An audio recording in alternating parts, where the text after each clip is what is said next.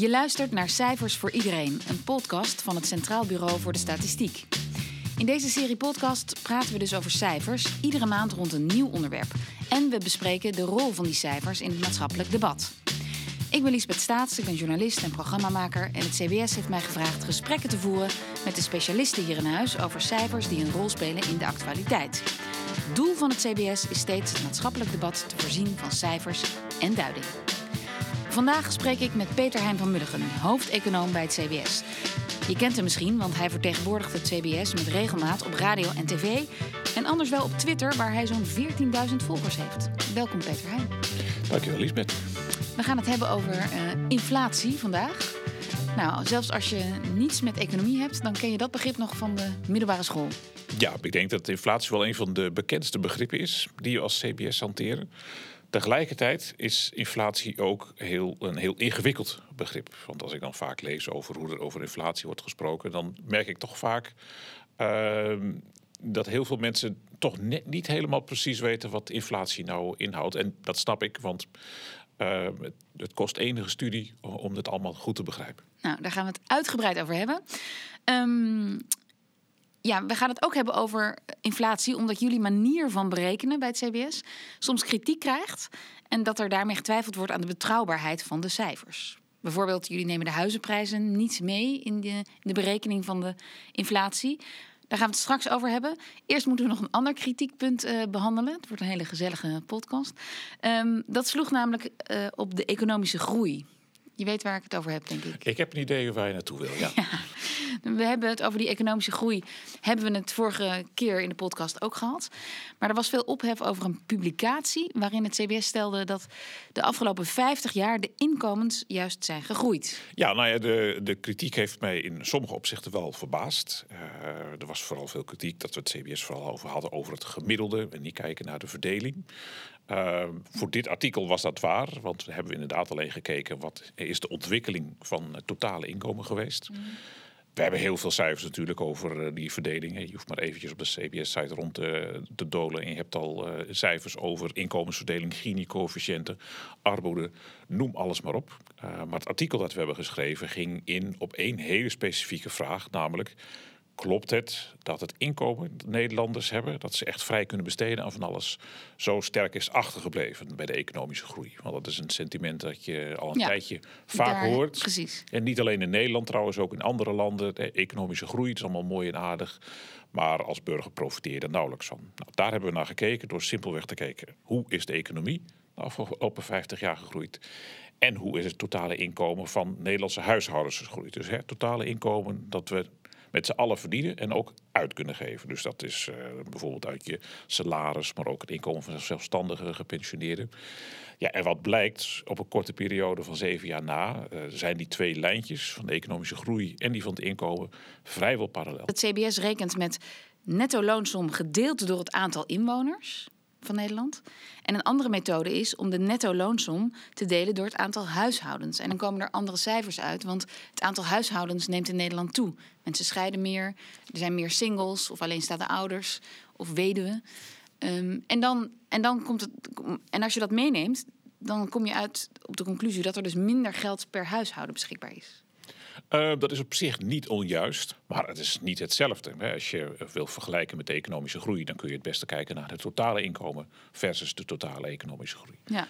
Maar wil je kijken van uh, wat is er met de koopkracht gebeurd, dan kun je wel zeggen van hè, wat de bestedings, uh, hoe de, de mate waarin het inkomen per persoon is gestegen, is natuurlijk minder hard dan het inkomen per huishouden. Want het aantal huishoudens is inderdaad toegenomen. Het aantal huishoudens is ook sneller gegroeid dan het aantal inwoners per Nederland. Dus als je deelt door het aantal uh, huishoudens. huishoudens. ja, dan is die groei minder groot. Maar nog steeds, ook in dat geval geldt de totale groei van het hele inkomen, die is vrijwel net zo hoog als de totale economische groei. En dat is waar wij naar hebben gekeken. Maar snap je dat het voor mij als eenvoudige burger en niet econoom uh, lastig is? Wie moet ik geloven? Of hoe moet ik, hoe moet ik dat duiden? Nou, dat is een belangrijk verschil. Wij brengen natuurlijk de cijfers en de feiten. Dat is onze rol. Ook om uh, zaken als desinformatie tegen te gaan, uh, mythevorming. als je ziet dat bepaalde dingen vaak genoeg herhaald wordt en mensen dat geloven, dan kan het ook nuttig zijn om daar af en toe wat nuchtere feiten uh, tegenaan te gooien. Maar wij vinden daar verder niks van. wij brengen de feiten. Uh, en sommige statistieken zullen voor de ene persoon heel welkom zijn. Van zie je wel, dit is wat ik altijd al zei. Terwijl de andere al zeggen van ja, dat kan, uh, dat kan niet waar zijn, want ik geloof er niks van. En kijk maar, dit is daarmee in tegenspraak. Maar juist dat debat, daar willen wij buiten blijven. Wij willen alleen die feiten aanleveren. Ja, en wat we natuurlijk wel eens zien, is dat uh, sommige feiten heel welkom zijn voor sommige mensen en andere wat, wat minder. Dat, ja, dat zien we bij heel veel van onze cijfers terug. Maar ja, dat is een, natuurlijk een discussie waar wij als CB ons liever niet in mengen. Misschien heeft het er ook wel mee te maken dat heel lang, decennia, bestond het CBS, CBS uit mensen die achter de schermen onzichtbaar hun werk deden. En jullie publiceren steeds meer, deze podcast is daar ook een voorbeeld van. De onzichtbare rekenmeesters, die zijn er niet meer. Misschien is dat ook wel wennen.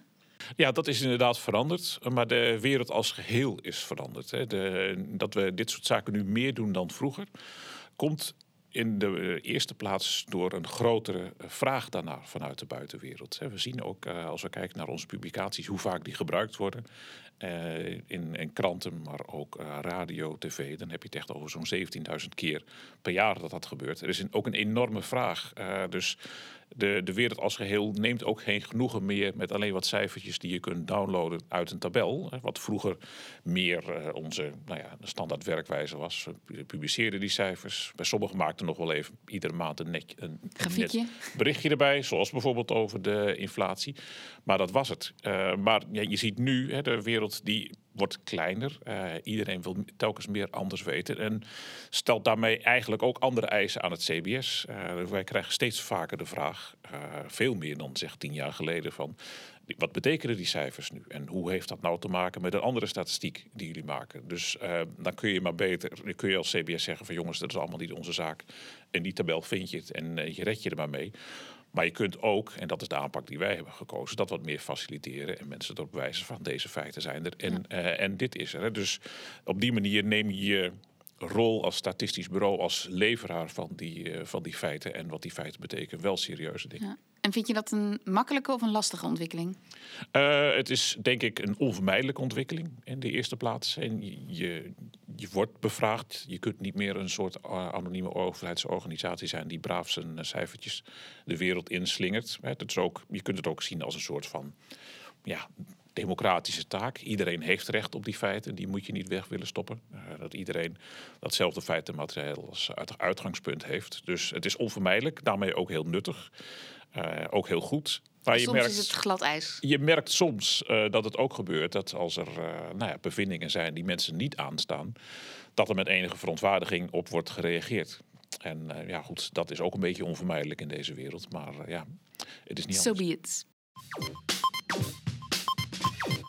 We gaan het over inflatie hebben.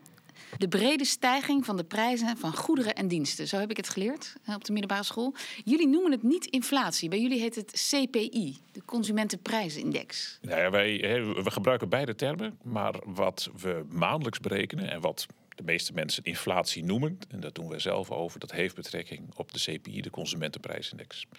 En dat is een, een index die geeft weer um, hoe consumptie, want daar gaat het om, duurder is geworden. Dus hè, mensen geven van alles uit, uh, waar ze hun geld aan uitgeven. Dus boodschappen, uh, de, de, huur met de verzekeringspremie. Fiets. Uh, de fiets, de benzine Computer. voor in je auto, je vakanties.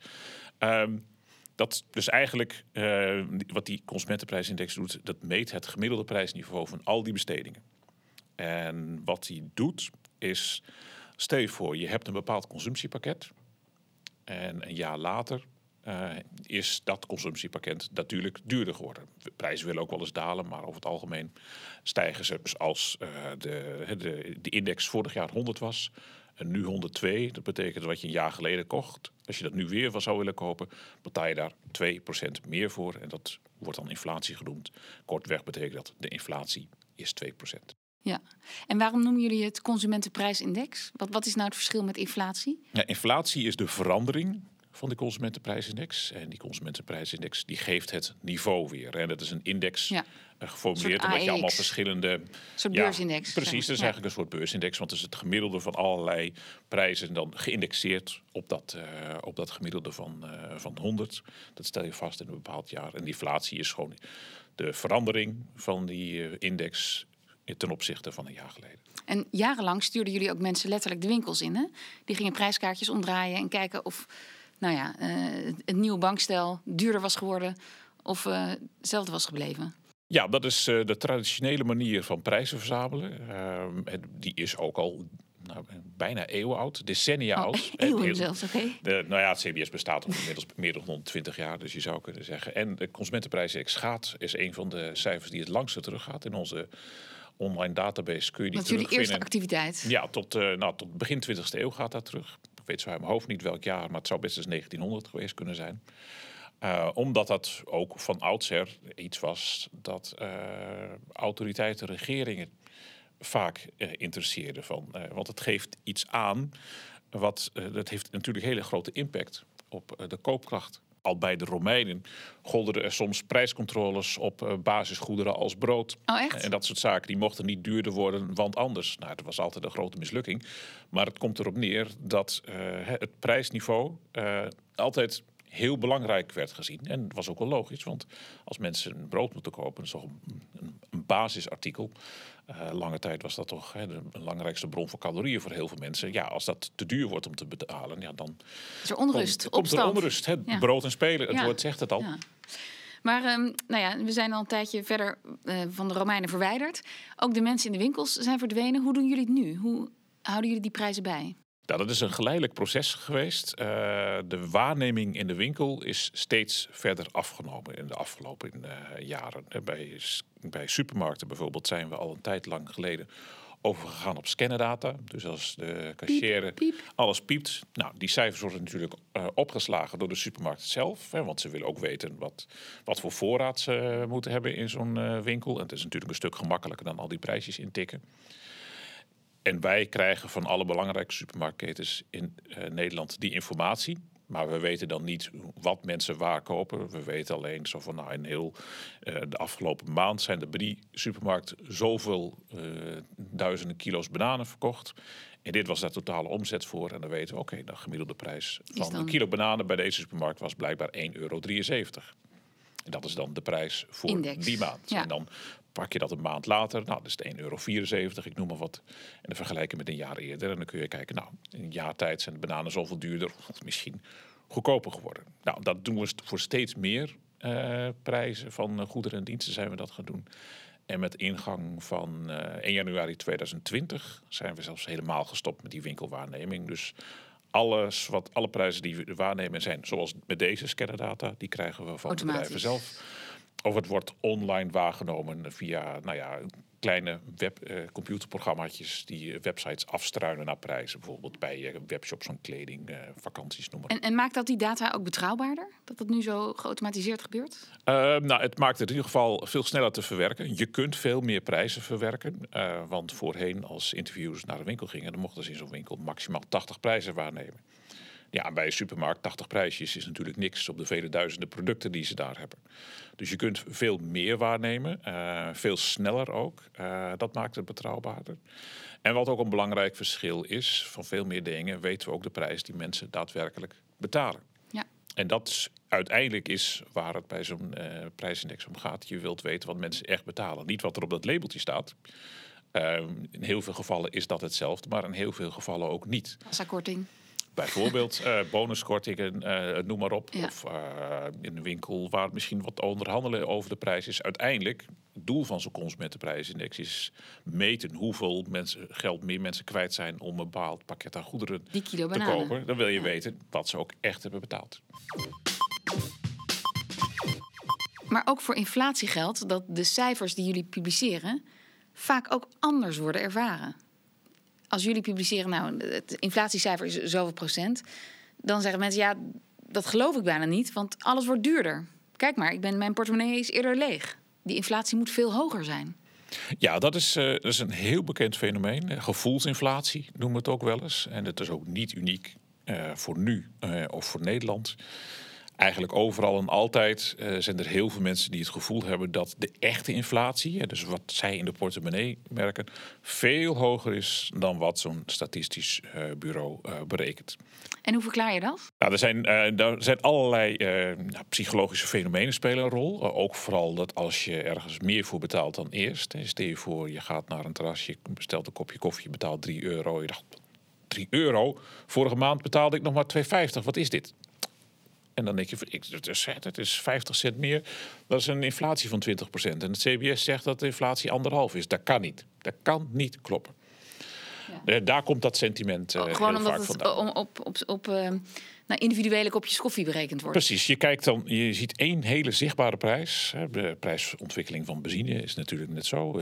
Als je vaak in de auto rijdt, dan tank je iedere week wel een keer, of misschien nog wel vaker. En dan zie je weer, potverdorie, die prijs weer omhoog gaan. En het CBS zegt dat de inflatie zo laag is. Ik geloof er niks van. Rondom de introductie van de euro was het ook hetzelfde verhaal. Uh, was voor heel veel mensen hè, hun gevoelde inflatie veel hoger dan wat het CBS uh, rapporteerde.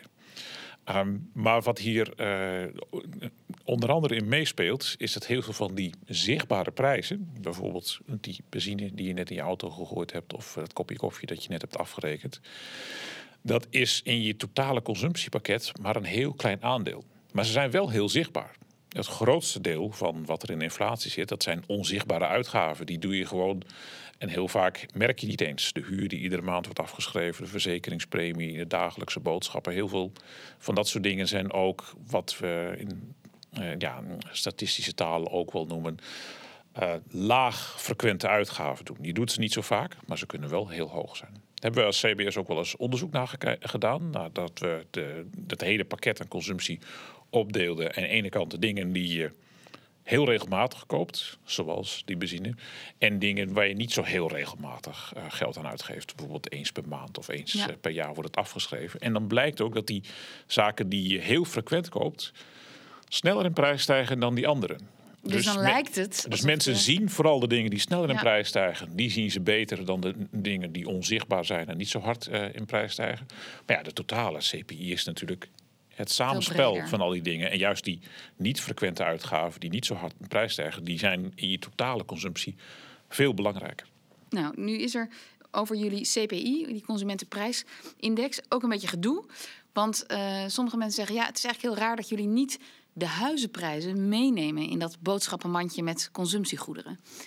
Um, dat klopt, want dat, dat, nemen jullie niet mee. Tenminste, niet op een, een manier uh, van wat, wat, kost een huis als ik het nu koop.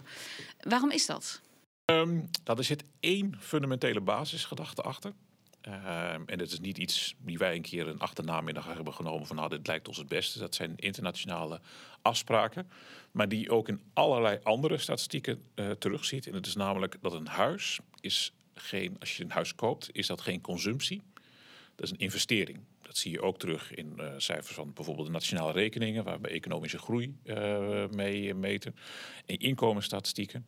Een eigen huis is een investering, want het is waardevast. Als jij een huis koopt en je woont daar 20 jaar in, dan verkoop je het weer en dan nou ja, tenzij je er echt een totale, als een totale bouwval hebt achtergelaten, is het huis relatief waardevast. Sterker nog, uh, dikke kans dat het in waarde gestegen is. Dat is ja, wat we de afgelopen jaren... crisis overheen komen, want Precies, dan ga tijdens de onder crisis zagen we dat die huizenprijzen ook wel konden dalen. Maar in de meeste jaren uh, stijgt een huis in prijs. Dus voor heel veel mensen is een huis uh, ook een belangrijke bron van vermogen. Sterker nog, voor de meeste Nederlanders in, Pensioen. die een huis hebben, of Moet die vermogen hebben, zijn, is ja. het eigen huis de belangrijkste, is de belangrijkste vermogen. En dat onderscheidt het totaal van alle zaken die wel in die consumentenprijsindex uh, zitten. Want dat zijn uh, zaken waar je, je, je koopt het en je maakt het direct op. Bijvoorbeeld de benzine in je auto, ja, die gaat op als je een ritje hebt gemaakt. Uh, de boodschappen, die eet je op.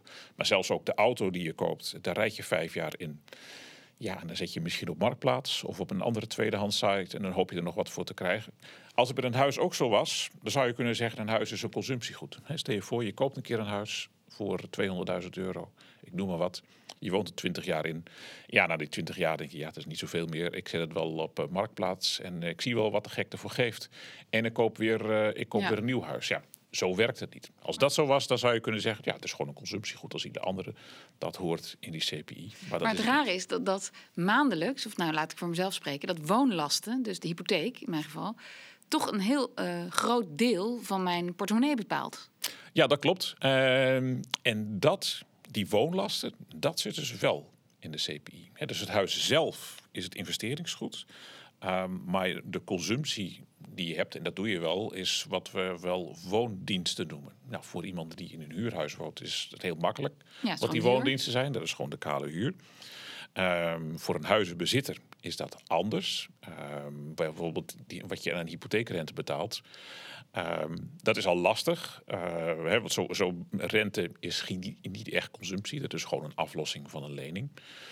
Maar dat zou ook kunnen betekenen dat iemand die zijn hypotheek heeft afbetaald, dus geen woondiensten meer consumeert, als het ware. Nou, dit is wel een hele ingewikkelde. Hè? Wat dan de prijs is voor het wonen in je eigen huis, uh, moet je nou, nou kijken van, nou, wat heb je voor het huis betaald en wat ga je er weer voor terugkrijgen als je hem verkoopt. En dan, uh, hè, dus dat is daar een maatstaf voor. Of uh, de hypotheekkasten waar we het net over hadden.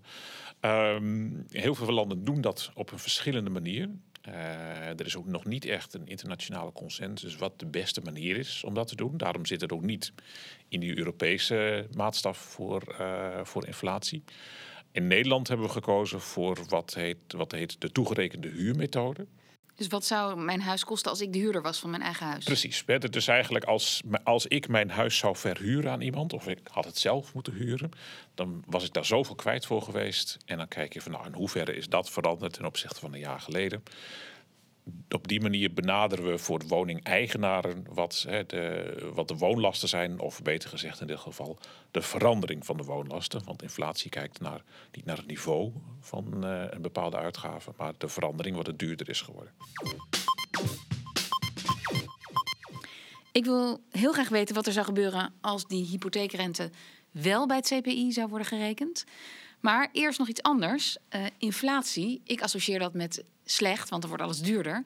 Maar de Europese Centrale Bank heeft een belang om die inflatie toch een beetje hoog te houden. Waarom is dat?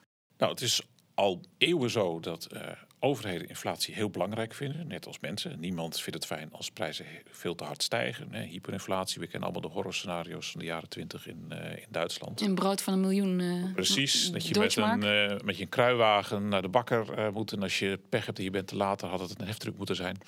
Um, dus hoge inflatie, dat vindt niemand fijn. een te lage inflatie, als die negatief is, is ook niet fijn. Dus het is een beetje het goudhaartje uh, geval van je wil die inflatie laag hebben, niet te laag. Nou, in Europa is het uh, inflatiedoel dat de ECB heeft, de Europese Centrale Bank, 2% of daar vlak onder. En waarom willen ze die inflatie niet te laag hebben? Het probleem van uh, een te lage inflatie is dat het risico op deflatie te groot wordt. En bij deflatie worden de prijzen lager. Dus dat zou je kunnen zeggen van nou wat is het Prima. Vindt, vindt iedereen fijn. Hè? Dan kan ik man van mijn salaris gewoon meer kopen. Uh, het probleem is alleen wel dat schulden daar veel zwaarder van gaan wegen. Want als je inflatie hebt, geld wordt ieder jaar een beetje minder waard, dan is een schuld hebben niet zo erg. Stel je voor, je hebt een schuld van een half miljoen voor misschien een huis of als uh, ondernemer heb je een investering gedaan en een half miljoen van de bank geleend. Als er inflatie is, ja, dan die half miljoen doet ieder jaar een beetje minder pijn. Want ja, wordt steeds minder waard. procent minder waard als de inflatieschrijver 2 Precies. Ja. Maar als het deflatie is, ja, dan wordt dat half miljoen ieder jaar meer. Uh, en als je dat zou hebben, dan wordt het heel vervelend om schulden aan te gaan. En ja, ons groeimodel is toch wel op gebaseerd dat, uh, dat ondernemers bijvoorbeeld schulden aangaan om te kunnen investeren, om daarmee groei te realiseren. Nou, als je het enorme straf zet op het aangaan van schulden, ja, dan ja, klapt de economie in. Daar kun je, het wel rustig, uh, daar kun je er wel rustig van maken. Dus deflatie wil je ook niet. Nee, dus er is een belang om die inflatie een beetje hoog te houden, of in ieder geval niet te laag. Maar wat zou er dan gebeuren in het kader van die inflatie als wij of jullie, CBS, de hypotheekrente wel meeneemt in dat consumentenprijsindexverhaal? Ja, dat zou een hele bijzondere situatie opleveren. Uh, en daarmee kun je ook weer kijken naar die ECB en het doel dat ze hebben. De ECB wil een inflatie van ongeveer 2%. Op dit moment uh, is de inflatie in Europa veel lager. Nou, als de inflatie te hoog is of te laag, afhankelijk van hoe de situatie is, dan heeft een, een centrale bank één klassiek instrument en dat is de rente. Als de inflatie te hoog is, dan kunnen ze de uh, rente verhogen. Wordt het weer moeilijker om te lenen? Wordt het duurder om geld te lenen, komt er minder geld in de economie. En minder geld uh, in de economie betekent dat de prijzen minder hard gaan stijgen. Dus dan gaat de inflatie weer omlaag. En andersom, net zo. Nou, nu uh, is de inflatie aan de lage, lage kant. kant. De ECB zou dat eigenlijk willen verhogen. En uh, de geëigende manier is om uh, de rente dan te verlagen. Want dan wordt het weer aantrekkelijker om geld te lenen. En dan komt weer meer geld in de economie. En dan gaan de prijzen omhoog. En dan huppakee. En dan sluit ik een grotere hypotheek af. Precies, dan kom je weer in de buurt van die 2%.